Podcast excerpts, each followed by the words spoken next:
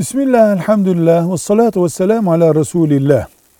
Kardeşimiz diyor ki ihlas çok övülüyor ve gündeme getiriliyor. Ben ihlaslı olduğumu nasıl test edebilirim, anlayabilirim?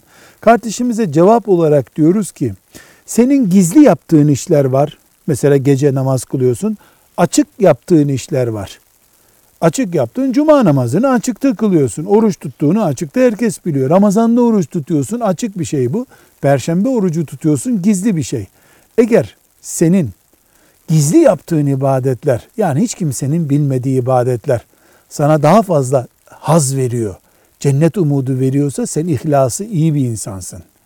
Bir başka ölçü Allah'ın sana getirdiği imtihanlarda sabrediyorsan, mızmız etmiyorsan ihlasın var demektir.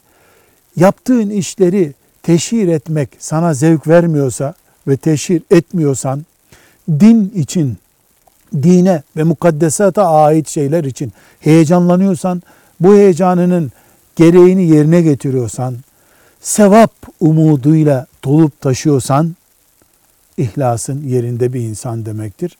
Bu ihlası büyütmek için çalışacaksın. Velhamdülillahi Rabbil Alemin.